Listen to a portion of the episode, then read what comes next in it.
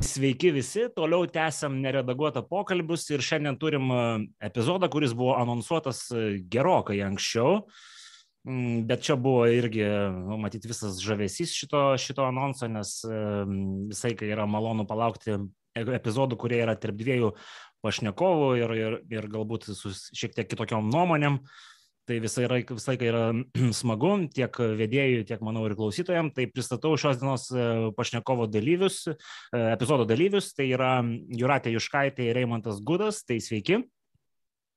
Labą. Sveiki. Visi, kurie, kurie norės daugiau paguglinti apie, apie pašnekovus, manau, turės tą progą. Čia daug būtų galima kalbėti, žmonės besireiškintis visuomeninėje erdvėje.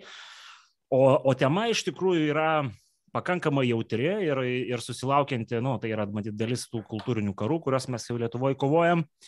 E, tema bus apie homoseksualius asmenys e, Lietuvoje ir, ir jų situaciją. Yra tokių sakančių, kad mes čia labai blogą situaciją turim Lietuvoje, yra tokių, kurie sako, kad mes esame visgi jau vakarų valstybė ir viskas yra netai blogai. E, aš matyt, nepameluosiu, abu pašnekovai priklauso tasme, temos, aptaria, temoje aptariamai, aptariamai grupiai visuomeniniai, ar kaip čia pavadinti, išsiaiškinsim detaliau.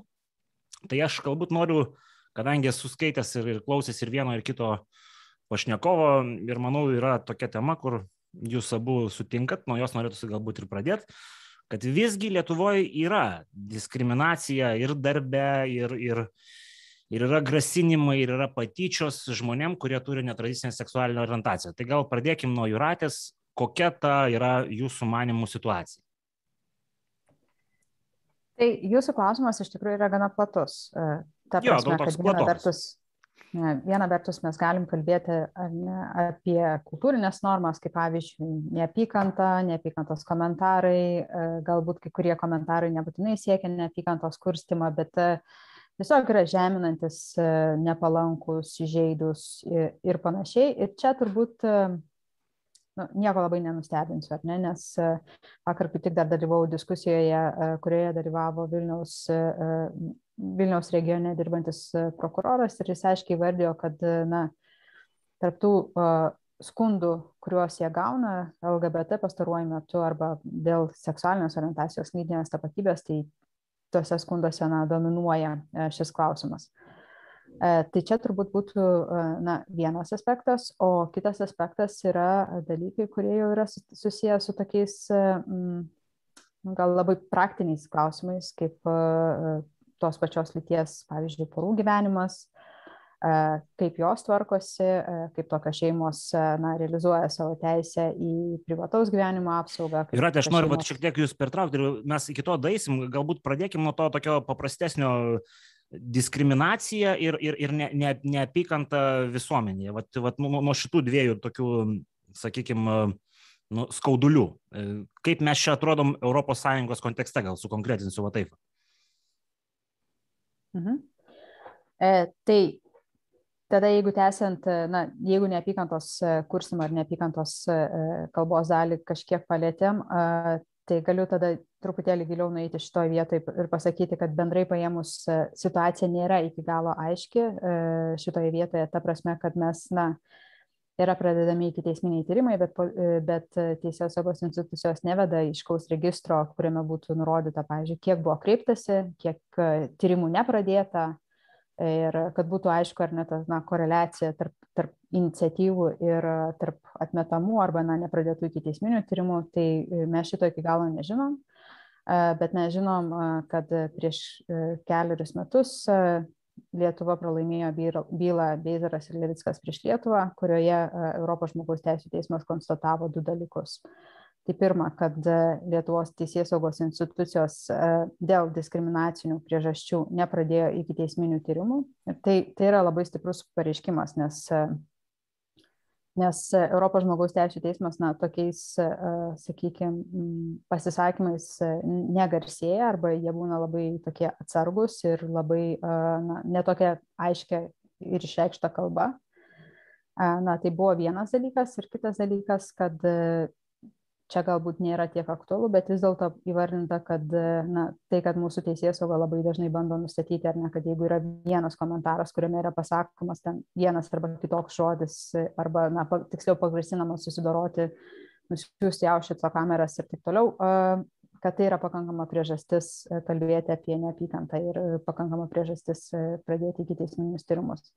Na ir dar vieną dalyką, ką prisiminiau, turbūt tą ir turėjau omeny galvodami apie antrą svarbiausią argumentą, tai yra, kad Europos žmogaus teisų teismas įvardėjo, kad šiuo atveju aplinka yra nepalanki ir aplinka yra įtempta LGBT bendruomenės atžvilgių.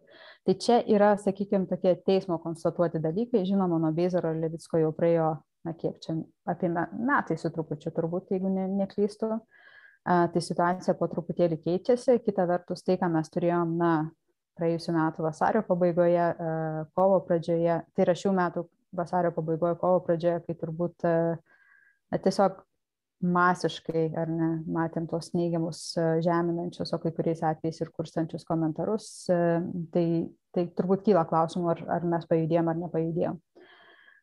Tai čia, sakyčiau, apibendrinčiau tai plius minus apie, apie neapykantos kurstimą ir neapykantos uh, komentarus. Uh, kitas jūsų paminėtas aspektas yra diskriminacija. Ir diskriminacijos klausimas yra uh, gerokai subtilesnis. Uh, jis yra gerokai uh, mažiau pastebimas ir taip pat jį yra sudėtingiau apčiuopti. Ir uh, Kodėl taip sakau? Nes diskriminacija arba diskriminacijos inicijavimo, diskrimina, tai yra diskriminacijos klausimo inicijavimas labai priklauso nuo konkretaus žmogaus, kuris galimai patyrė tą diskriminaciją. Tai jeigu neapykantos kurstimo komentarus, na, mes nueinam ar ne ir plikakim, tu gali matyti juos uh, Facebook'e, tu gali juos matyti, uh, nežinau, naujienų portaluose, tu girdė apie, to, apie, vien, apie neapykantos nusikaltimus uh, gatvėje prieš vieną arba kitą žmogų. Uh, dėl diskriminacijos reikia kreiptis, tai turi daryti pats žmogus ir e, dėl seksualinės orientacijos, o to labiau lytinės tapatybės mes tokių kreipimusi praktiškai neturime. Ir e, čia matyti yra klausimas, ar, na, turint omeny, ar ne visą tą aplinką, ar tos diskriminacijos iš tikrųjų nėra, ar vis dėlto, na, kažkas neveikia. Ir, ir mes arba žmonės, na, nesijaučia galintis, arba galbūt čia dar yra susiję, žinoma, ir, ir tas dalykas, kad uh, kreipdamasis dėl diskriminacijos, na, tu atskleisi savo seksualinę tapatybę arba seksualinę orientaciją arba lytinę tapatybę. Tai čia labai kompleksinis klausimas būtų. Ok, tai tada paklauskim to pačio Reimanto Gudo, kaip jums atrodo, vat, tie du dalykai - diskriminacija ir, ir, ir, ir žodžiu, patyčios. Kokia situacija Lietuvoje yra uh, jūsų nuomonė? Aš matyčiau, kad diskriminacija yra labai didelė ir patyčios taip pat yra labai didelės, paplitusios didžiojoje, drįčiau sakyti, didžiojoje dalyje Lietuvos visuomenės. Aš tikrai matau e, ir iš savo pažįstamų ir panašiai, kad žmonės nukenčia darbuose, kartais visiškai nesigilinama į tai, ar žmogus gyvena homoseksualų gyvenimo būdą, ar tik turi potrukį, į tai, bet jau vien dėl to jis yra persikiamas ir būna, kad pasakoma, būtume žinoję, kad tu turi polinkį homoseksualumą, būtume neprieimę į darbą ir panašiai. Tokie dalykai pas mus yra visiškai, drįšiau sakyti, įprasti. E, kalbant apie patyčias, jų, jomis yra užkištas visas internetas, mes tą, manau, plika akimi, kaip ir, ir sakė Juratė, puikiai matome. Kaip į tai yra reaguojama, galbūt yra kitas klausimas ir, ir galbūt tai klausimas ne man. Uh, bet patyčios tikrai egzistuoja, aš nežinau, kaip yra dabar mokykloje, bet kai aš mokiausi mokykloje, tai homoseksualumas buvo pagrindinė patyčių tema ir nuolatinė patyčių tema man konkrečiai. E, ir kalbant apie dabartinę situaciją, taip pat netgi kai aš parašiau tuos kelius straipsnius interviu, kuriuos, manau, kai kurie mūsų skaitytojai, klausytojai žino, aš sulaukiu irgi labai baisių homofobinių em, komentarų ir, ir panašiai, ir apie save, ir apie savo mamą, ir panašiai. Ka, tai tai įsivaizduokite, ką turi patirti tie, kurie kalba šiek tiek radikaliau negu aš. Supratau, tai šitoje vietoje, kadangi, aišku, mes daisim iki tų tų kitų klausimų, kurie, kurie yra svarbus e, LGBT judėjimo žmonėm ir pakalbėsime apie patį LGBT judėjimą, bet va čia, matyt, aš noriu paklausti, kadangi vis tiek diskriminacija ir patyčios yra, yra labai, nu, tokia pasme, pirminė problema, kurią išgyvenus galbūt ir kitos išsispręstų, noriu paliesti švietimą. Mes dabar ne, nemažai girdim, kad seksualinės orientacijos klausimais, lytinės tapatybės klausimais atsiranda privačiose mokyklose, jau yra, e, tasme, viešose, sakykime taip, irgi matyt, kai kuriuose jau yra, žodžiu, tam tikros pamokėlės, kurios e, turi tam tikrų intencijų, žodžiu, žmo, išlaisvinti žmogaus e, žodžiu, saviraišką, sakykim taip, bet ne apie tai. Jo, jos tikrai nesprendžia nei patyčių, nei diskriminacijos problemos kur čia pas mus yra švietimo problema, nes aš taip prezumuoju, kad čia yra švietimo problema, gal ne jūs mane pataisysite, jeigu taip negalvojat, kad mes turim va tokį požiūrį į, į, į tam tikrą dalį visuomenės narių. Tai šiuo atveju pradėsiu nuo Eimanto, tada Juratį. Nežinau, kiek tame turėtų iš tikrųjų įsikišti valstybinė švietimo sistema. Aš manau, man, būčiau linkęs manyti, kad valstybinė švietimo sistema šito klausimu ir nelabai turėtų kištis, ir tai yra visų pirma labiau tėvų reikalas auklėjant savo vaikus. Bet aš manau, kad tėvai tikrai turėtų daugiau dėmesio skirti šitam klausimui. Aš šitą klausimą e, e, pradėčiau nuo būtent tėvų klausimo problema susiduriant diskriminacija ir patyčios ir visa kita, kas yra susijęs su homoseksualumu, visų pirma, mano supratimu, Lietuvoje kyla iš to, kad didžioji dalis homoseksualių žmonių apie savo orientaciją nešneka, neprasitaria ir žmonės dažnai net nepažįsta nei vieno homoseksualaus žmogaus Lietuvoje. Jie apie tai girdi visokius stereotipus arba nebūtinai, priklauso nuo to, kaip juos vertina čia tas reikalas iš spaudos, iš paskalų, iš dar kažkur, bet jeigu būtų mūsų žmonės pažinotų daug homoseksualių žmonių, aš manau visų pirma, požiūris į tai gerokai pasikeistų.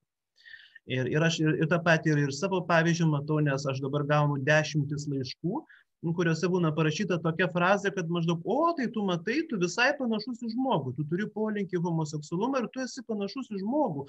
Wow, kokia naujiena nu tai tai apie ką mes kalbame? Vadinasi mūsų visuomenė nepažįsta homoseksualų.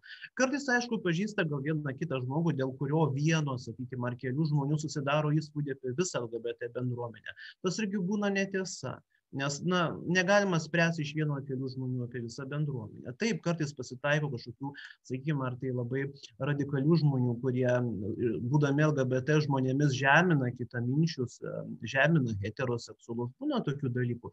Būna tokių kurie sakykim aišku didelė dalis vyrų homoseksualų nemėgsta dėl to kad homoseksualai prie jų priekabiauja labai na tikrai atvirai ir čia reikėtų patiems homoseksualams apie tai susimastyti, kaip jie elgesi. Na, bet, bet, bet pagal tai irgi pagal vieną kitą žmogų nereikėtų spręsti apie visą bendruomenę. Tai aš manau, kad visų pirma, tai yra visos visuomenės problema, tėvų problema, apsitai bendravimo problema. O švietimo sistema, aš tą palikčiau truputėlį, truputėlį nuo šalyje. Jūrate, kaip jums atrodo, kur čia yra pakastas šuo yra tekę girdėti, kad ir vakarų visuomenė yra ta problema, kad visgi yra ten tie džiaukai ir kiti dalykai. Mm, ir, žodžiu, kas čia galėtų padėti spręsti problemą, kad, kad mes žiūrėtume, ne kaip sakė Eimantas Gudas, žodžiu, o jis žmogus, žodžiu, bet kaip žmogus ir visi kiti dalykai būtų atkritę, tiesiog žiūrėtume, mm, bendrautume, tasme, ne pagal orientaciją ar kažką tokio. Tai nežinau, pirmiausia, kalbant apie švietimo sistemą, tai aš turbūt nesutikčiau su, su įmantu, kad na, mokykla yra šito vietoj e, antrinis dalykas, nes e, mokykloje vaikai praleidžia, na, kiek laiko? 70-80 procentų laiko, ar ne? Grįžta namos, namo, pasidaro uh, namų darbus, išsimiegia ir tu vėl keliauji į mokyklą. Tai man atrodo kad švietimo sistema tam ir yra sukurta ar ne kad e, diegtų tam tikras normas formuotų vertybes e, sakytų ar ne kas šitoj visuomenėj yra priimtina ir kas yra nepriimtina ir dabartinė situacija kai mes praktiškai na švietimo sistemoje nekalbame arba kalbame e, labai, sakykime, fragmentiškai apie, apie homoseksualumą, apie lytinę tapatybę, apie seksualinę orientaciją, kas tai yra. Tai tai tikrai neprideda ir nepadeda išvengti problemų, kurias paskui matome ar ne besiliejančias per kraštus socialiniuose tinkluose ir e, komentarų skiltise. Ir šitoj vietoj e, gal pateiksiu netgi pavyzdį iš vakar. Vakar kalbėjausi su viena mokyklos direktorė, kuri manęs paprašė, ar sako, ar jūs galėtumėte skirti laiko ir ateiti pasikalbėti su mūsų mokiniais. Nes e, mokiniams šitos temos yra įdomios, e, tėvams e, šitos temos yra baisios, jie bijo apie tai kalbėti, jie įvengia. Ir mokiniais iš principo na, būna, leidžia laiką be kažkokios patikimos informacijos, tik tai, ką jie susirankė arba na, su, pasižiūri internete. Tai tokia situacija, kai internetas tampa ne pagrindiniu šaltiniu, bet nesuaugę žmonės, nesubrendę žmonės, ne tie, kurie gali tinkamai paaiškinti, aš tai matau kaip didelę problemą. Ir aš matau taip pat didelę problemą tame, kad na, jūs Edvinai paminėjot e, pradžioje apie na, kažkokias pamokėlės, galbūt šiek tiek ir ironijos skambėjo tame. Ne, ironijos nebuvo, aš tiesiog norėjau, norėjau pasiteirauti, va čia, kadangi jau pradėjot šitą temą, ar tos pamokėlės, kurios e, iš tikrųjų kalba apie seksualumą ir lytinę tapatybę, ar jos prisideda prie diskriminacijos ir patyčių mažinimo? Asme, kaip at jums atrodo? Aš čia neturiu jokių, kaip sakoma, aš esu moderatorius. Hmm. Tai baigiant mintį dar pirmiausia apie, ne, apie uh, tą fragmentiškumą, tai, uh, tai tai yra didelė problema. Tai yra tai, kad valstybė ar ne vengia prisimti aiškaus, uh, aiškios pozicijos, vengia ar ne integruoti tam tikrus dalykus į mokymosi programas ir pasakyti, kad A, B, C seksualinė orientacija nėra nei psichikos sutrikimas, nei lyga, B, kad šitie žmonės turi būti lygiaverčiai vertinami kartu su visais e, kitais žmonėmis, nes tai užtikrina Lietuvos Respublikos konstitucija. Trečia, matyt, e, dalykas, dėl ko galbūt būtų daugiau diskusijų, na, klausimas, kaip spręsti e, šitų žmonių teisinį statusą arba kitus dalykus, dėl, kurio, dėl ko mes turbūt pešamės visuomenėje šiuo metu. Tai čia yra politinės atsakomybės, politinės valios klausimas ir tai mano požiūriu absoliučiai yra susijęs su, su, tuo, su ta betvarkė ir su, na, su neapykantos bangomis, kurias mes turime visuomenėje. O grįžtant apie na, kalbėjimą, apie lytinę tapatybę, seksualinę orientaciją ir ar tai gali prisidėti prie, prie sakykime, mažiau neapykantos, tokios visuomenės, kurie yra mažiau neapykantos, tai taip, moksliniai duomenys aiškiai rodo, kad e, tais atvejais, ar ne, kai vaikai gauna kokybišką litiškumo ūkdymą, e, kuris yra visapusiškas, kuris, na, nesuredukuokime jo į lytinį švietimą, kuriame yra kalbama moksliniais faktais, tai na, mažėja rizikingo elgesio, mažėja emociškai galbūt tokio elgesio, kurio mes nenorėtume matyti visuomenėje, tiek kalbant apie uh, neplanuotus neštumus, tiek kalbant apie ankstyvą seksualinį gyvenimą ir seksualinį debutą, tiek kalbant apie patyčias ir na, kito žmogaus neprieimimą. Tai čia galbūt dar norisi paklausti ir Eimanto, kaip jums atrodo, vat, vakarų visuomenės, kur galbūt va čia nuskambėjo, kad politiškai problema irgi yra spręstina ir mes dar kito daisim, bet yra visuomenės kaip pavyzdys vakarų, kurios jau yra išsprendę šitas problemas, į kurias mes lygiuojamės, ar ten šitų dalykų yra mažiau ir vat, ar jūs sutinkat, kad, kad politinė valia čia daug ką pakeistų? E, politinė valia, žinoma, galėtų daug ką pakeisti, bet klausimas kokia linkme. Iš tikrųjų, aš esu linkęs manyti, kad tai visų pirma yra ne visai valstybės reikalas ir ne visai valstybės kompetencija šitos dalykus aiškinti.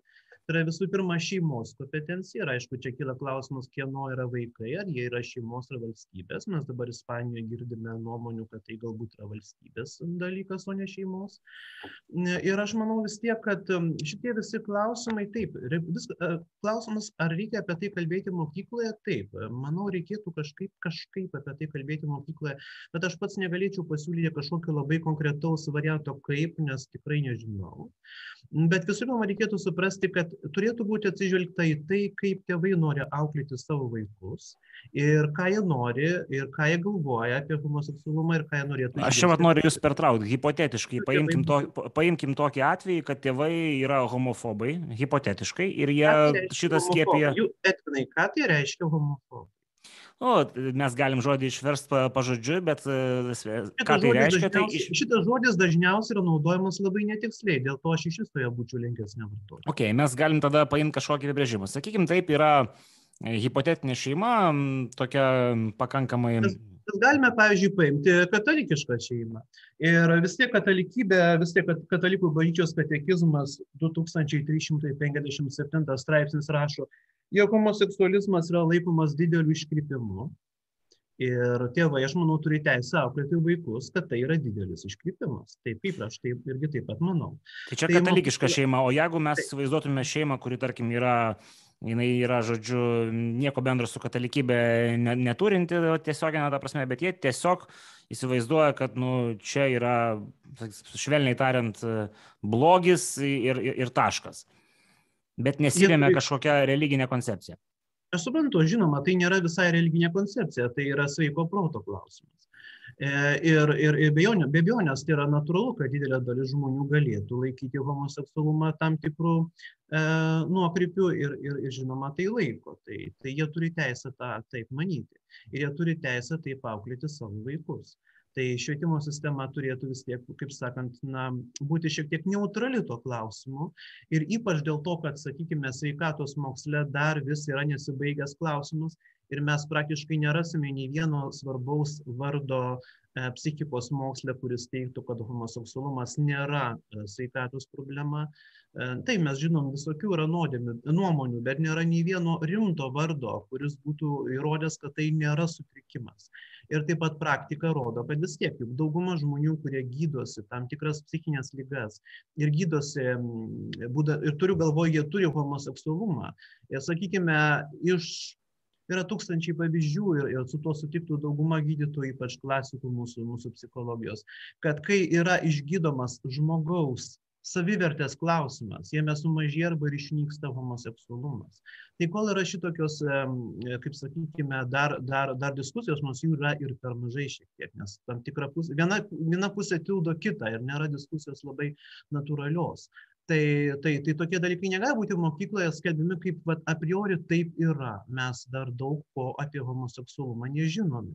O tai, kas apie jį yra dažnai kalbama, visų pirma yra ideologija, o ne mokslo tiesa tai čia toj vietoj reikėtų būti labai atsargiems. Ir jeigu mūsų sakykime mokyklos yra ir apskritai mūsų valstybė yra neutrali kaip sakoma sekuliari ir panašiai bet ne priešiška religija ar šiaip kitokiai nuomonei tai ir mokyklose turėtų būti atsižvelgiama į tai kaip tėvai nori mokyti savo vaikus. Tai Juratė, aš nebejoju, kad jūs turit kitokią nuomonę šio klausimu, tai neutralumas uh, sakykim taip, savo pažiūros perduodantis vaikams tėvai, galbūt pavyzdžių, galbūt ne, ne, nesamoningų mokymų, bet e, kiek va čia yra šeimos klausimas, e, kiek yra valstybės. Ir kaip jums atrodo, ar, ar, ar kaip sakė Eimantas, ta diskusija yra, ar, ar nėra a priori nuomonės e, tiek vienoje, tiek kitoje pusėje suformuotos ir, ir, ir nelabai įmanoma diskutuoti? E, jo, šitoje vietoje su Eimantu aš kategoriškai nesutinku, ypač nesutinku su ta idėja, kad valstybė kaip e, konceptas yra neutralus. E, jeigu atsiverti Lietuvos Respublikos konstituciją, tu ją perskaitai ir tu na, labai aiškiai, kaip bet kuris kitas žmogus, pamatai, kokios ten vertybės yra išguldytos ir na, liaudiškai paprastai pasakius, ar ne, dėl ko mes visi pasirašėm, arba kaip, kaip šita valstybė yra surėdyta ir kokiais principais remiasi. Uh, Tai šitie principai neabejotinai gali skirtis nuo galbūt religinių bendruomenių skirtumų, kas būtų visiškai normalu. Šitie principai gali skirtis nuo tam tikrų bendruomenių, e, kurios, kuriuom galbūt vėlgi valstybė suteikia ar ne irgi tikėjimo, sąžinės laisvę ir kitus aspektus. Tačiau tie principai, e, kurie, e, na, konstitucinės vertybės, kaip pavyzdžiui, lygiavertiškumas, lygus vertinimas, nediskriminavimo principai ir taip toliau, jie ten yra. Bet ir, Eimantas todėl... neminėjo diskriminavimo, jis tik minėjo, kad yra ne iki galo suprasta mokslė, bet aš norėjau paklausti jūsų, ar tikrai ne iki galo, gal jums atrodo kitaip, kad mokslas jau prieėjęs kažkokios pozicijos e, e, dėl, dėl, dėl tasme, netradicinės, pavadinkim taip, nors čia galbūt įžeidžianti žodis e, seksualinės orientacijos. Kaip, kaip, kaip, kaip, kokia jūsų pozicija? Nu, tai Edvinai, pabaigiant tą mintį, ar ne, kad nėra liet, valstybė neutrali. Liet, Lietuvos valstybė turi labai aiškias vertybės ir tos vertybės yra na, labai aiškiai orientuotos į tarptautinius teisės dokumentus, į, į mūsų konstituciją kaip na, demokratinės valstybės pagrindą.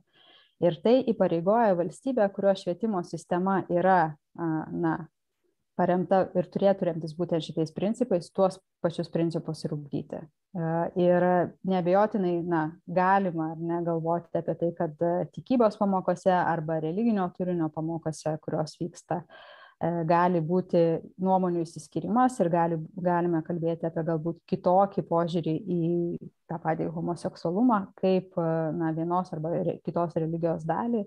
E, tačiau net ir tokiuose pamokose na, neturi būti skatinama diskriminacija, neturi būti skatinamas niekinimas arba na, panašus veiksmai. E, tai čia yra turbūt vienas aspektas, o kitas aspektas, na, mes galime, žinoma, leistis į tą mokslinį relativizmą, galime sakyti, kad e, na, pasaulio sveikatos organizacijos arba kitų tarptautinių organizacijų, mano požiūriu, labai aiškiai padėtas taškas kuris sako, kad na, homoseksualumas yra seksualinės į gamtoje atliek, aptinkamos įvairovės dalis ir kad tai yra viena iš gamtoje egzistuojančių seksualinių orientacijų arba na, seksualinio elgesio modelių arba nesvarbu, kaip, kaip pavadinsiu šiuo atveju. Mes galim dėl to, na, muštis turbūt iki pat ryto, ar ne?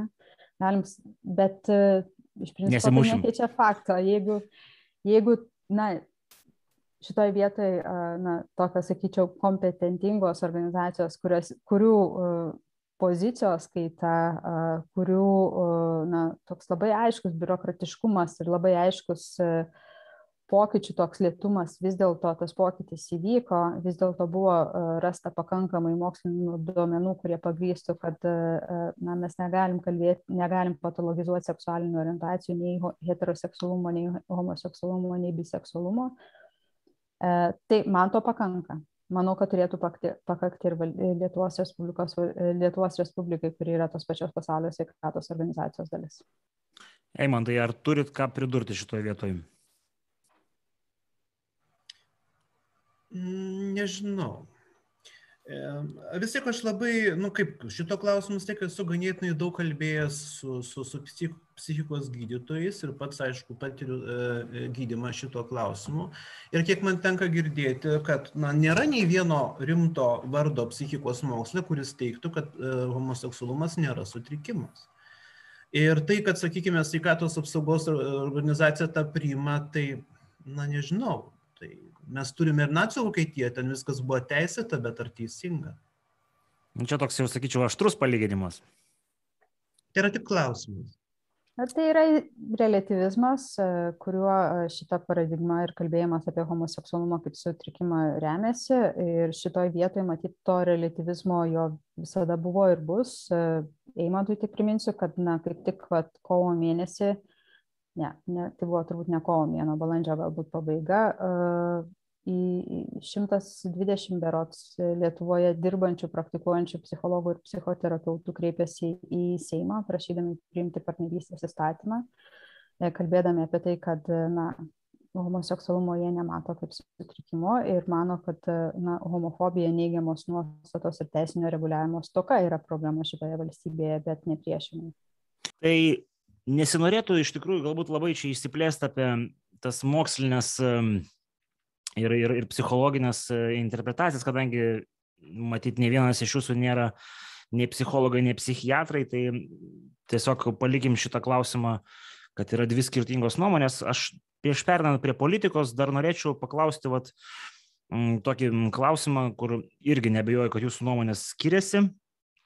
Teko man e, skaityti Eimanto poziciją Bernardinų, tas um, straipsnis Mm, Juratės neteko, bet manau, kad e, turiu tokią, tokį mm, nuojautą, kad mąstymas matyt bus šiek tiek kitoks e, šitoj problematikoje. Tai klausimas visgi yra toks. E, yra seksualinis poreikis ir matyti jis koreliuoja su psichologija žmogaus, jeigu jis yra nepatenkintas, žmogus tampasi, tampa neproduktyvus ir susiduria su tam tikrom problemom, kaip Eimantas sako, yra, yra, yra bendrasis gėris ir mano, kad kai kurių orientacijų ir kai kurių polinkių nereikia propaguoti.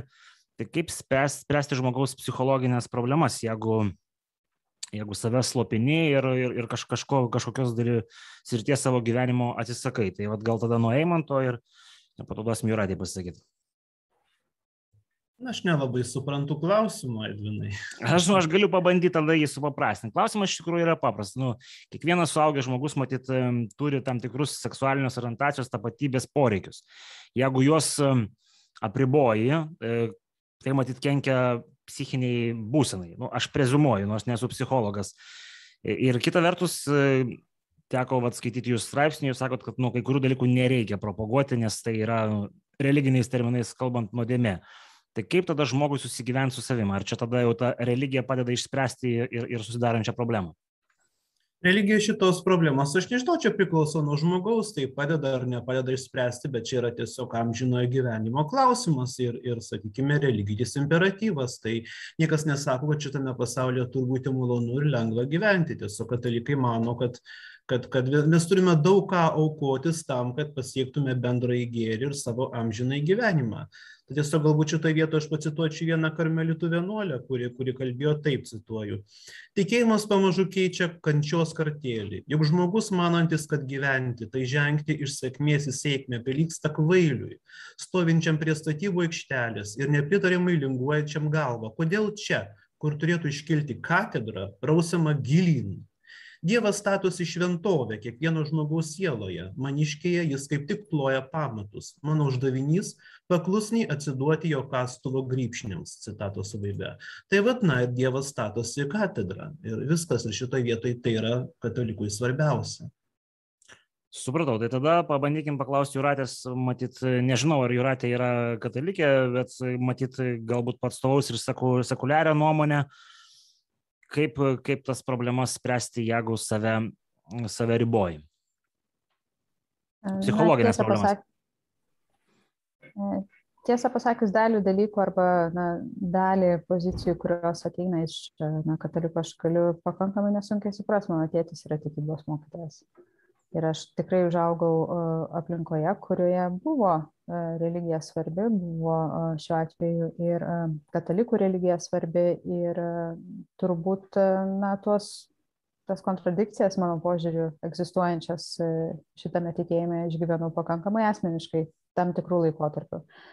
Tai nestatyčiau savęs visiškai toli. E, kita vertus, mes čia iš tikrųjų, mano požiūriu, diskutuojam apie du skirtingus dalykus tai yra viena ar ne, kaip bažnyčia mato, kaip, kaip vertina, galbūt gal, da, vertina ar ne tai kaip nuodėmę, kaip, kaip netinkamą elgesį, kaip prieštraujantį prigimčiai ir taip toliau. Ir šitoj vietoj diskutuoti ar ne su, su religija, su na, tikėjimu ir taip kaip jis yra susiformavęs per 2000 metų, Aš nežinau, ar mūsų susitikimo čia yra tikslas, tiesą pasakius.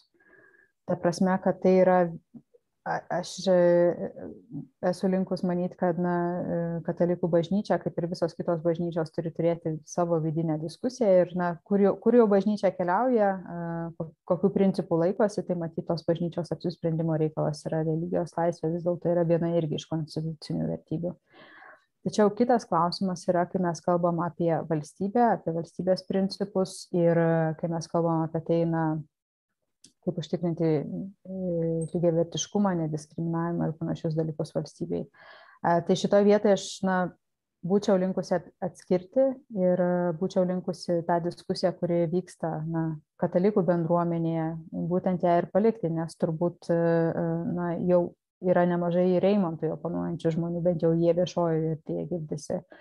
Ir tarp to oponuojančių arba galbūt šiek tiek skirtingai, arba na, galbūt netgi ir gana smarkiai skirtingai matančių tą patį klausimą yra ir, ir, ir kunigų, ir dvasiškių, ir pačių katalikų bendruomenės narių. Tai čia turbūt būtų vienas aspektas, o kitas aspektas, na, aš, aš iš šitą klausimą žiūriu pirmiausia na, ne iš tos perspektyvos, perspektyvos, kad, kad tai yra e, patologija ar ne. Aš ne, nematau e, homoseksualumo, biseksualumo, translytiškumo kaip e, kažkokios patologijos, kaip, kaip netinkamo iš, iškrypimo ar, arba kažkokios panašios veiklos, tai aš nematau prasmės, kodėl tai turėtų būti slopinama. Mano požiūriu, slopinama turėtų būti na, tie veiksmai, kurie yra kenkiantis kitiems žmonėms.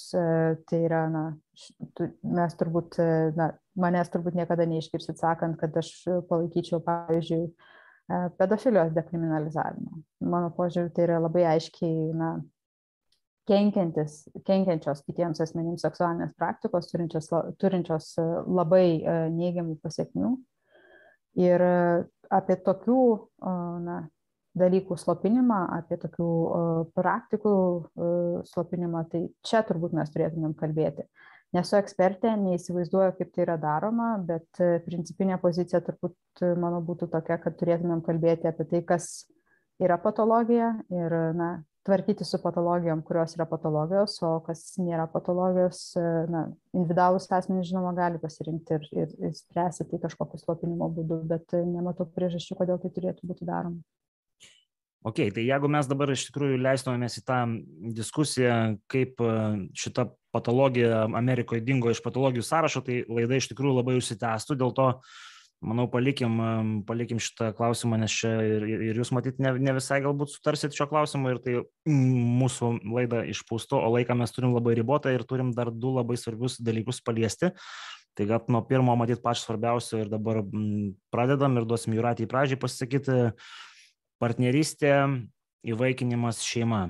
Kokia čia yra pozicija, matyt, jos galbūt šiek tiek skirsis jūsų, už ką kovojama, žodžiu, iš LGBT bendruomenės pusės ir ar, ar bendro gėrio prasme tai, tai, tai, tai yra pliusas ar minusas. Čia gal vėliau iš tą paliesim, bet, nu, pradžiai, kur čia ta kova ir kur čia ties jėtis kryžiuojamos? Turbūt pagrindinis klausimas yra toks, e, na, kaip žmonės, kurie istoriškai buvo išstumti, e, kaip žmonės, kurie istoriškai buvo laikomi e, mažiau vertais, kaip žmonės, kurie buvo ilgą laiką patologizuoti, na, kaip jie galėtų būti reintegruoti į visuomenę ir reintegruoti tokiu būdu, kad jie būtų laikomi lygiai verčiais, nieko ne, nei blogesniais, nei geresniais. E, vertinami pirmiausia pagal savo nuopelnus, o ne pagal seksualinę orientaciją ir kad e, teisinė sistema pirmiausia būtų, na, kalbėtų apie tai, ar ne? ne nekalbėtų apie tai, kad e, vieniems asmenims mes leidžiame formaliai užregistruoti arba, na, kitaip valstybės akise būti matomiems kaip pora, kaip šeima, tačiau kažkodėl kitoms formoms arba kitiems žmonėms mes to neleidžiame. Tai čia turbūt yra pagrindinis klausimas. Uh, Ir viena vertus tas klausimas kartais yra na, suredukuojamas iki LGBT bendruomenės ir iki tos pačios lyties asmenų a, santykių ir asmen, tos pačios lyties šeimų. E, kita vertus, e, to sprendžiant e, na, šitos bendruomenės problemas arba e, atsiliepiant politiškai tai, kas yra keliama, matyt, e, būtų sprendžiami, sprendžiami taip pat ir kiti klausimai, kurie susiję ir su heteroseksualiomis poromis. Kaip pavyzdžiui, partnerystės klausimas yra aktualus ir heteroseksualiom porom. E, įvaikinimo klausimas, nors man atrodo, jis yra absoliučiai kokio dešimtoj vietoj, nes e, bent jau kalbantys su žmonėmis aplinkui, kurie mane yra, tai tiesą pasakius, nelabai žinau daug porų, kurios, na, apskritai galvotų apie įvaikinimą ir tai yra, sakyčiau, toksai labai na, politiniais tikslais išnaudojamas klausimas E, tam, kad pagazdintų visuomenę ir tam, kad pasakytų, kad dabar ateis ir paims tos jūsų vaikus, kuriuos, kurie yra pamesti ir mesti globos namuose. E, tai e, įvaikinimas, jeigu jau taip iš esmės žiūrim, jis turėtų būti prieinamas ir jis turėtų būti lygiai, lygiai vertiškai suteikiamas visiems. Ir čia matyti neturėtų būti kalbama apie santokinius ribojimus, kokius mes dabar turime įstatymę, apie tai, kad e, vieniši tėvai arba vieniši mamos e, formaliai pagal įstatymą gali įsivaikinti tik e, išskirtiniais atvejais. Tai, tai sakyčiau, kad na, lygių teisių, lygių galimybių sėkimas šitos bendruomenės atžvilgių arba įgyveninant tuos, tuos klausimus, kurie yra keliami, matyti prisidėtų ir prie bendrojo gėrio kūrimo ir kitoms grupėms. Įmantai, ką, ką jūs šitą šito klausimo manot apie partnerystės šeimas ir įvaikinimą? Na, dėl įvaikinimo tai čia labai ilgai neužsitęsiu, bet mes, mes turėjome prieš kelias dienas Marko Rebnerusą, jis, manau, mums puikiai papasakojo savo tyrimus, kad e, yra kur kas prastesnės sąlygos aukti vaikams homoseksualiuose porose. Na, ir Agnerus, prašysiu, prašysiu leisti man sureaguoti, bet e, tiesiog noriu. Tai gal leidžiam pašnekovui pasakyti. Gal leidžiam pašnekovui pasakyti, o po to sureaguos, nes aš mačiau, jūs komentaras buvo ir tikrai nebejoju, kad jūs norėsit jį pasakyti ir čia. Tai pabaigite, Eimantai, po to duosim Juratai. Tai dėl, dėl vaikų, tai sakykime vis tiek, aš šiandien ekspertas, tai pasitikėčiau Marku Regnerusu šiuo atveju. Aišku, įdomu išgirsti kitą nuomonę, galbūt jinai tada ir manišė pasikeis. Na, tada kitas, antras, kitas dalykas, palaukit, apie šeimą, ar ne? E, tai, na, vis tiek, na, kaip aš suprantu, Lietuvos Respublikos konstitucija Konstituciją sudarant šeima buvo savame suprantama, kad tai yra kylant iš santokos ir vyru ir moters. Ir dabar šitas vat, vat, diskusija, kuri kyla, kad konstitucija turėjo galvoje kažką kitą, tai man atrodo truputėlį labai keista. Na, bet na, iš teisinės pusės mes palauksim šito. Iš mano asmeninės pusės tai be abejonės aš manau, kad šeima kyla iš vyru ir moters santokos ir ir, ir homoseksuali pora negali būti laikoma šeima. Nu, tai tiesiog tam galima pritaikyti daugybę kitų savokų, bet, bet šeima tiesiog yra e, visai kitas dalykas. E, mes negalim, kaip aš kartais sakau, varnos pavadinti rašumoju stalu, nu, nuo to niekas nepasikeičia. Nu, bet čia jau tas tada, labai, jau, labai jau šaržuotas dalykas. Nu, bet, nu, bet suprantat, nu, nu, taip, nu, taip literatūroje anglų yra sakoma. Tai tiesiog atsiprašau, jeigu tas terminas truputėlį šaržuoti skamba, nenorėjau šaržuoti, tiesiog manau, kad yra homoseksualios poros ir šeima tai yra skirtingi dalykai ir mes negalime to suplakti ir pavadinti šeima to, na, kas tai istoriškai nėra. Tiesiog ta savoka, jinai turi kitą prasme ir mes negalime jo, net neturime teisės kompetencijos valstybė, neturi teisę pakeisti šitą savoką, aš taip suprasčiau šitą klausimą, bet aš nesu teisininkas. Ir partnerystės įstatymas, mm, matot, visokių tų partnerystės įstatymų pasaulyje egzistuoja ir visokių yra siūlyta. Dabar, kaip suprantu, Lietuvoje, jeigu kažką netaip suprantu, pataisykite, vis tiek partnerystė yra šiek tiek daugiau mažiau prilyginama šeimai ir labai daug yra bendrų sąlyčio taškų su santoka. Tada kita klausimas, kam yra santoka ir visa kita. Tai taip kaip yra keliamas partnerystės klausimas šiuo metu Lietuvoje, manyčiau, tai mm, šiek tiek žalingas dalykas. E, aš kiek žinau, e, Seime randasi ir kiti projektai, visų pirma, bendro sugyvenimo instituto klausimas, manau, jis kuo puikiausiai sprendžia daugumą problemų, kurios yra aktualios LGBT bendruomeniai ir kurios apie tai pastaruoju metu yra kalbamos, tai manau, bendro sugyvenimo instituto ir visiškai šito klausimu ir pakaktų. Tai, tai, tai tokia būtų mano pozicija šito klausimu. Jūratė, jūsų kontrargumentas dėl paminėto autoriaus, skaičiau jį po kito asmens postų, bet manau, kad ne visi mūsų žiūrovai matyt matė, tai prašom. Tai gal aš dar trumpai sureaguosiu tai, ką ir Reimantas pasakė. Tai pirmiausia, dėl bendro gyvenimo. Jis galbūt gali kam nors būti ir aktualus, kodėlgi ne. Šitas variantas iš principo būtų šeštoje civilinio kodekso knygoje, kuri na, reglamentuoja daugmaž verslo santykius, prievalių teisės ir panašius dalykus. Tai galbūt jeigu yra dalis žmonių, kurių orumo tai nežemintų ir jie matytų tokį gyvenimą arba na, savo šeiminio gyvenimo įteisinimą per to, tokiu būdu, kodėlgi ne. E, kita vertus, dabar Seime tas pasiūlytas variantas iš principo įteisina poligaminius santykius. E, vėlgi, sak, juokaudama sakau, kad na, konservatyvus politikai siūlo visai nekonservatyvius e, pasiūlymus, bet uh, Bet na kągi, e, galim važiuoti su tuo, jeigu, jeigu tai atrodo kažkam aktualu, bet, e, bet e, matyti tai vargiai patenkintų tos pačios lyties šeimų poreikius ir atlieptų jų lūkesčius. Na, nežinau, galbūt kas nors ir, ir iš čia klausančių girdėjo, kad prieš porą dienų mes pristatėme tos pačios lyties šeimų kokybinį tyrimą, kuriame yra aiškiai komunikuojamas poreikis e, ne tik partnerystės įstatymų, bet ir kad tas partnerystės įstatymas būtų orus, tai yra nesuredukuotų e, tos pačios lyties šeimų santykių iki e, verslo santykių, iki kažkokių na, kambariokų arba panašių dalykų. Tai čia turbūt būtų vienas aspektas. Antras aspektas, kalbant apie tai, kas yra Lietuvos Respublikoje, Lietuvos Respublikoje ir pagal konstituciją šeima, tai konstitucija aiškiai na, nenubrėžia, kad šeima yra tik tokia arba tokia arba dar kažkokia.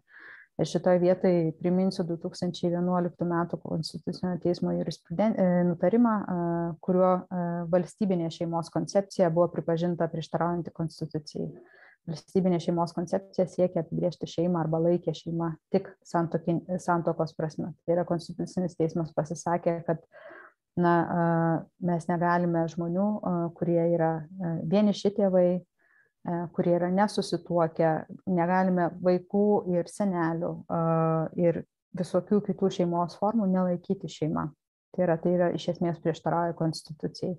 Ir 19 metais tas pats konstitucinis teismas pasisakė, kad konstitucinė šeimos samprata atitinka ir tos pačios lyties poros. Tai yra, kad konstitucinė šeimos samprata yra lyčiai neutrali. Na ir grįžtant prie Regneruso, tai, tai yra na, ypatingai kontroversiška asmenybė šitoje vietoje Tai yra žmogus, kurį Amerikos sociologų asociacija, Amerikos pediatrų asociacija, Amerikos medicino, medicinos asociacija. Ir šitoje vietoje mano vertimai yra, na, galbūt nebūtinai tikslus, juos galima rasti internete, nes verčiau iš anglų kalbos ir tiksli, e, paskutinis Amerikos medicinos asociacija yra American Medical Association na, laiko Regneruso tyrimą nevalidžiu ir jį laiko dėl vienos gana iškios ir nesudėtingos priežasties. Ta prasme, kad ponas Regnerusas paėmė na, ir tyrė vaikus, juos lygino tarp heteroseksualių ir homoseksualių šeimų, bet na, probleminis aspektas pagrindinis buvo toks, kad vaikai, kurie buvo iš, ištariamai homoseksualių arba tos pačios lyties šeimų, uh, Tai buvo dažniausiai, tai buvo absoliučia, absoliučia dauguma atvejų vaikai, kurie yra iš įsiskyrusių šeimų. Tai yra bus, buvęs, buvusi heteroseksuali santoka arba heteroseksuali partnerystė, tėvai įsiskiria ir vienas iš partnerių galbūt na, suvokia savo tapatybę kaip homoseksualę. Ir tai buvo, na, iš tikrųjų, ponui Regnerusui tikrai daug kritikos, ta prasme, kad, na, yra labai aiškus, ar ne, labai aiški koreliacija tarp vaiko emocinės būklės ir tėvų skirybų.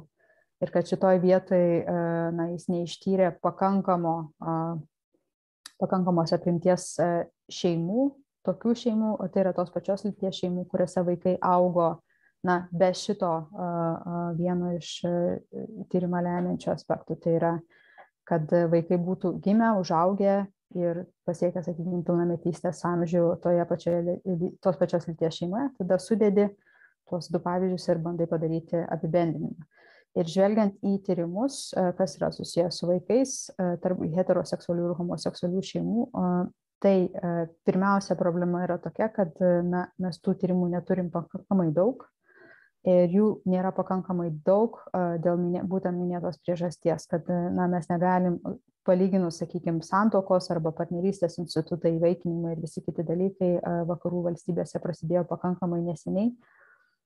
Todėl turbūt, na, galbūt artimiausių metų mes jau gausime daugiau tyrimų, kuriuose bus vaikai pilnai užaugę tokiuose šeimose ir pilnai bus galima tikrinti bet nesumeluosiu pasakydama, kad kol kas mokslininkų konsensusas yra daugmaž toks, kad kažkokių rimtų skirtumų tarp heteroseksualiuose šeimose ir homoseksualiuose šeimose augusių vaikų nėra. Kai kuriais atvejais na, teigiama, kad ne va tos pačios lyties šeimose vaikai, užaugę vaikai yra šiek tiek labiau linkę į mokslą ir, ir linkę mokytis, kiti tyrimai lyg to neparodo, tai matyt, čia yra dar dar kur tirti ir dar e, yra ką nustatyti. Eimantai, ar norėtume trumpai kažką replikuoti? Ne. Supratau, tai tada paskutinis klausimas, kuris e, tikrai žinau, kad neredaguota bendruomenė, jeigu jo nepaklausiu, bus, bus, kaip sakoma, bus nesuprastas. Tai yra tokia, sakykime, pozicija, kad LGBT judėjime yra ne viena grupė ir viena iš jų yra atvirai save būtų galima sakyti laikanti, nu, ta žodis jų bendruomenė yra nevartojamas, bet, sakykim, taip iš šono yra įvardyjama kaip neomarksistinė, su tam tikrom emancipaciniam, žodžiu, pretenzijom, kas, kas marksizmui buvo ir būdinga. Kaip Jūs manot, ant kiek šita bendruomenė, koks yra jos svoris, sakim, politinis, a gal jos iš vis nėra tokios tokios bendruomenės, e, tai pradėkim gal nuo, nuo Juratės e, šito klausimu. Čia labai geras klausimas, kuris pasikartoja ir man šitoje vietoje norisi užduoti, klaus, e, užduoti šitą klausimą. Na, mes lyg ir laikom, ar ne, kad Laisvės partija atėjusi su šitą agendą yra tarsi jau na, toks tam tikrą prasme aukščiausias išsipildymas ar ne politinių tikslų partija, kuri labai aiškiai turėjo savo rinkiminėje programoje partnerystės klausimą, kuri na, apskritai turbūt e, gana e, palankiai žiūri LGBT bendruomenę. Tai e, jeigu jūs Laisvės partiją laikot neomarksistiniu projektu, tai... Aš norėčiau, norėčiau pabrėžti, kad net nebuvo tokio teiginio, kad Laisvės partija laikoma neomarksistiniu projektu, nes Laisvės partija kaip tik yra laikoma stambaus verslo projektu su geru Būtent. fasadu, bet e, ne apie Laisvės partiją gal pakalbėsim su Laisvės partijos atstovais, bet aš kalbu globaliai pasaulio mastu, ar nes mes žinom, kad ten tie visi intersectionality, e, žodžiu, kaip čia pavadinti, kažkokia koncepcija, jinai, vat, ją būtų galima, tasme, pasiprilyginti tam tikrai E, darbo klasės arba to post darbo klasės išsilaisvinimo, žodžiu, analogijai. Tai Juratės manimo, kad suprantu, nėra. Tasme, jokio neomarksistinio judėjimo LGBT e, grupės judėjime. Tai aš šitoje vietoje, nu, na, tai, ką jūs Edvinai atsakėte, ar ne, apie Laisvės partiją, iš principo ir uh, pagrindžia įrodo, kad judėjimas yra skirtingas, kad jame yra skirtingų politinių pažiūrų, E, kad joje, jame yra žmonių, kurie yra na, iki kaulų smegenų liberalai, e, kad jame yra asmenų žmonių, e, kurie yra iki kaulų smegenų socialdemokratai ir kad jame yra žmonių, kurie yra ir konservatoriai. Ir aš, jeigu leisit priminti, tai priminsiu, kad jungtinės, Jungtinėje karalystėje santokos lygybė įvedė Džeimsas Cameronas, kuris yra, tai yra buvo konservatorių ministras pirmininkas. E, tai suredukuoti ne, ir pasakyti, kad e, judėjime esantys žmonės atstovauja vienai, kitai arba tik trečiai sroviai, man atrodo, būtų. Niekas tiesiog... neredukavo. E, Klausimas buvo, ar yra tokia srovė, kuri tenais judėjime užimas svarų vaidmenį. Tas net toks klausimas buvo. Jūs jau dabar tikslinat klausimą. Tai aš manyčiau, kad... Visi galės atsisukti žmonių... paklausyti. Yra žmonių, kurie yra nebejotinai e, kairėje, yra žmonių, kurie yra nebejotinai turbūt e, kairiau negu, sakykime, mūsų kairė arba kairiau negu toks standartinis kairės ir dešinės e, vertinimas, bet aš nematau tame nieko blogo, nes e, matyt visose judėjimuose yra pačių įvairiausių žmonių ir, ir, ši, ir dėl to aš tiesiog dar kartą pasikartosiu, kad man atrodo, na, keistas iš piršto laužtas argumentas, na, bandant pasakyti, ar ne, kad e, LGBT judėjimui atstovaujantį šiuo metu labiausiai atstovaujantį politinė jėga e, gali, gali turėti įtarimų ar nesusijusi su neomarksizmu. Jo, tai Juratė, mes nu, nesusikalbam. Aš tikrai nesakiau, kad Laisvės partija yra neomarksistai, bet e, visi, kurie norės paklausyti šitą klausimą nuo pradžių iki galo, aišku, galės pasisukioti. Ir čia, ir čia noriu pasakyti, kad e, aš, mano, mano ir Laisvės partijos, tikrai, Laisvės partijos pažiūros tikrai ekonominė prasme labai stipriai skiriasi. Tai e, bandau pas, tiesiog, ką aš iš savo na, pasisakymų bandau pasakyti, kad tai yra spektras žmonių kurie yra skirtingi, e, kurie yra aptinkami visuomenėje, kuri, kuriuos galima rasti tiek vienoje, tiek kitoje spektro pusėje. Ir e, labai aiškiai apibendrinti ir pasakyti, kad tai yra tik konservatoriai e, far right arba far left, nu, niekaip neišėjai. Ok, tai duodam tada Eimontui šitą paskutinį klausimą. Nežinau, jums gal irgi pasirodė jis neaiškus, tai aš tiesiog perfrazuoju, kad yra tokia teorija, kad LGBT judėjime svarų politinį vaidmenį užima neomarksistai. O čia taip penkiais žodžiais ar šešiais. Aš irgi žinoma negalėčiau kaip ir Juratė šito taip redukuoti. Be abejonės tarp, tarp LGBT judėjimo žmonių yra pačių įvairiausių žmonių ir įvairiausių bendruomenių ir įvairiausių lygų, sąjungų ir kitokių susivienimų įvairiose skirtingose šalise, įvairingais skirtingais laikais, pradedant kraštutinę kairę ir baigiant kraštutinę dešinę, tai tas yra akivaizdu. Bet tas yra visai natūralu, kad visos trys pagrindinės, sakykime, ideologijos, jau taip galima sakyti, iš politologinės pusės konservatizmas, liberalizmas ir marksizmas, jos žinoma padarė labai didelę įtaką mūsų visuomeniai ir mūsų visai šio laikiniai civilizacijai. Tai mes net negalime pabėgti nuo kažkurios iš šitų trijų e, ideologijų, politinių doktrinų, nes jos egzistuoja visur. Ir, ir suprantate, kai, kai, kai kažkas, pavyzdžiui, kaltina marksizmą, ar apskritai va tų laikų radikalizmą kai kaip buvo vadinamas tas žodis iki iki markso manifesto nu tai reikia nepamiršti kad marksistinė idėja šita prasme yra ir ir visuotinė balsavimo teisė. Bet ar mes ją dabar vadiname kažkokiu neomarksizmo nežinau sąmokslu? Nu taip nėra. Nu mes jau seniai pripratę prie visuotinės balsavimo teisės bet tai yra marksistinė idėja savo savo pradžia. Ir daugybė kitų teisių kurios dabar jau na tikrai yra nebekvestionuojamos beveik visur tai tai norėčiau pabrėžti kad lgbt judėjime yra visko. Aš labai nemėgstu kai yra kalbama apie lgbt organizaciją nes tokios organizacijos nėra kaip aš suprantu. Yra daugybė organizacijų to judėjimo viduje. Ir kai pavyzdžiui aš gaunu klausimus kodėl aš esu lgbt narys ir kam aš moku narystės mokestį nes aš jį privalu privalau mokėti tai kyla klausimas. Taigi nėra tokios organizacijos. Žmonės atsibuskit yra įvairios organizacijos šito judėjimo viduje ir tos organizacijos tikrai yra įvairių pozicijų. Na žinoma aišku yra tam tikra linija visų pirma kuri labai matosi jungtinėse amerikos valstijose kuri taip tuo neomarksizmu taip yra persismelkusi. Na bet tai tai nėra kažkokia kažkoks tai sąmokslas ar kažkas kuris čia dabar vat visur viską vat keičia aišku kita vertus lgbt judėjimas kaip toks kilo didele dalimi iš marksistų raštų ir idėjų bet tai nereiškia kad jis yra marksistinis kaip toks visiškai a priori. Na galėtume pasakyti kitaip. Na taip susiklostė pasaulis kad lgbt reikalavimai jie buvo pradėti kelti europos ir pasa ir ir ir ir šiaurės amerikos civilizacijose.